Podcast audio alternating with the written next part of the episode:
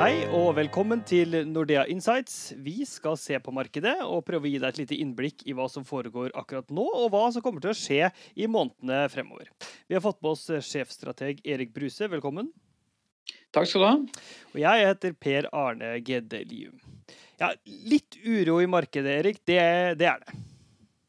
Ja, det er det helt klart. Eh, første halvår har vært ja, jeg vil nesten si et brutalt år for eh, mange iallfall internasjonale investorer med kraftig fall i globale aksjer, og også kraftig fall i verdien på, på obligasjoner. Eh, så eh, nå tror jeg nok mye av fallet, eller lenge tror jeg fallet i aksjer var eh, ja, at rentene steg, så du måtte prise ned aksjer. Eh, men eh, i det siste så tror jeg nok også det nå er eh, frykt for svakere økonomiske tider og ja, resesjonssnakk som, som, preger markedet. Så, så, ja, det er urolige tider. Hvor lenge vil uroen vare? Jeg tror at vi må eh, regne med at eh, det, blir uro over sommeren til vi får mer avklaring av eh, situasjonen. Sånn som jeg ser det, så er det ikke sannsynlig med en resesjon sånn nært forestående, altså økonomiske nedgangstider. Eh, det kan skje neste år og etter det, men eh, får vi en avklaring, så, kan kanskje ting se mer positivt utover eh, høsten. Men akkurat over sommeren så tror jeg vi må regne med, at det er ganske urolige markeder. Hvorfor, hvorfor, tror du ikke det, det er veldig mange som snakker om resesjon og at det kommer en nedgang. Hvorfor tror ikke du at det er så sannsynlig? Fordi eh, det er fortsatt sterk etterspørselsvekst. Eh, det er bra arbeidsmarkeder. Eh, forbrukerne har mye oppsparte midler. Så, så, sånn umiddelbart så tror jeg det kommer til å være hoveddriveren. Og det er jo egentlig det som er problemet nå. Det er jo høy inflasjon, høyt press stramme arbeidsmarkeder, konflikter eh, i arbeidsmarkedet. Eh, så liksom, at det da skulle være fall i økonomien, det sånn nært forestående sånn over tid, det, det har jeg litt problemer med å, å, tro på. Eh, når, det, når, det, er sagt, så, så, kan det godt være at eh, ting nå begynner å eh, se mer negativt ut. At vi la oss si neste år eller inn i året deretter kan, kan Eh, at det kan bli svakere økonomiske tider. Mm. Eller eh, nedgangstider, da, at, at, økonomiene nå roer seg ned, det, det er helt klart. Og det, det, trenger vi egentlig for å få ned inflasjonspresset. Mm.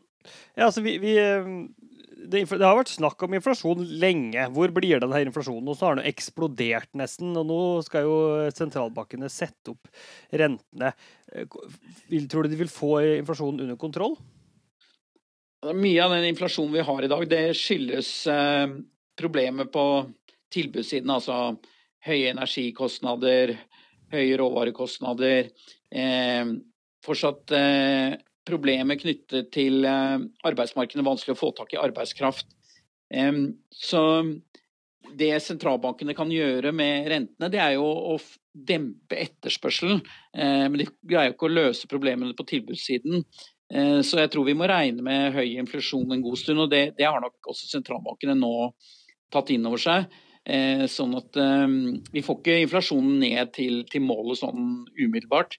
Men på litt sikt så tror jeg svakere økonomisk utvikling, og iallfall forhåpentligvis noen løsning av de tilbudssideproblemene vi har, gjør at inflasjonen kommer gradvis nedover. Mm.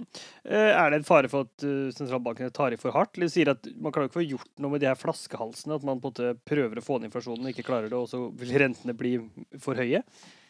Ja, Det er en grunn til at jeg er blitt mer eh, avhentende til, til markedet. Det er at sentralbankene har vært veldig klare, og spesielt den amerikanske, at hovedprioriteten det er å få ned inflasjonen Um, og de sier selv at de håper og tror at det skal, skal de greie uten en resesjon, altså med en soft landing som de kaller det.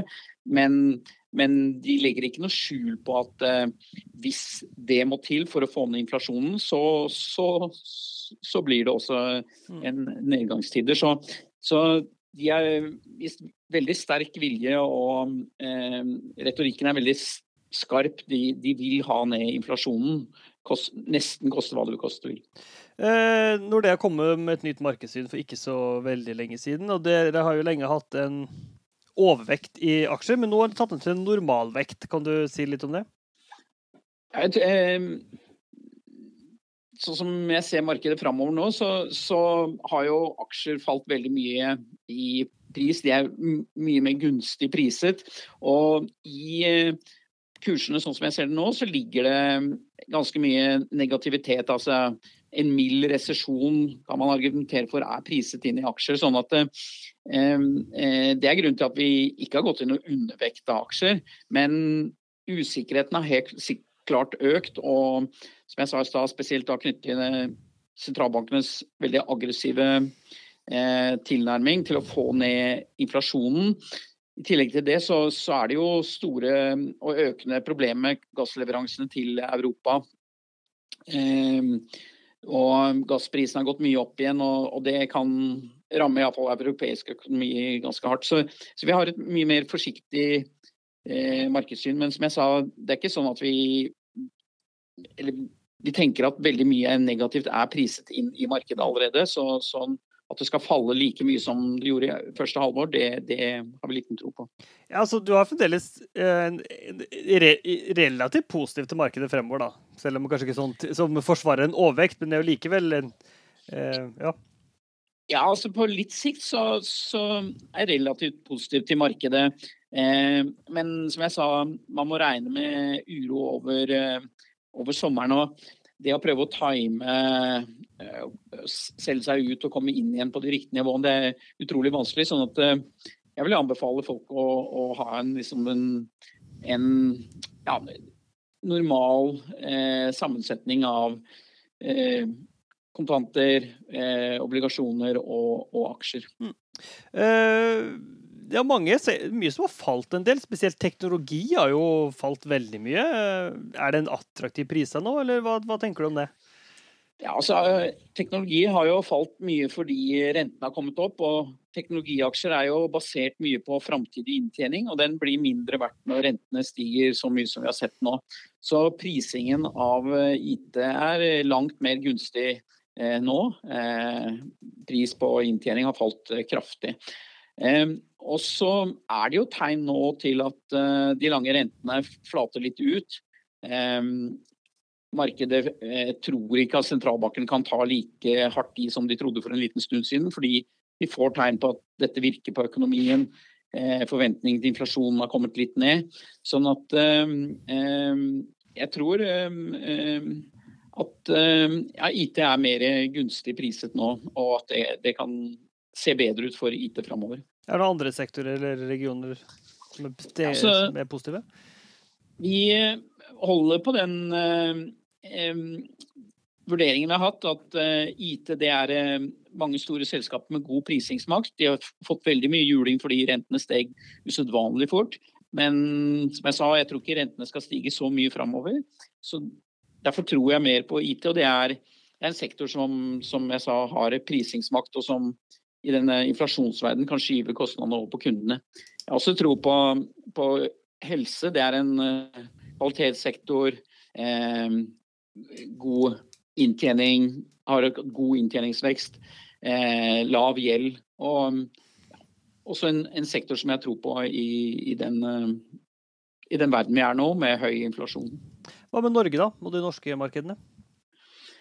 Norge har jo gått uh, veldig bra relativt til andre markeder i år. Eh, var jo lenge på plussen, nå er det vel så vidt ned på, på, på, på året.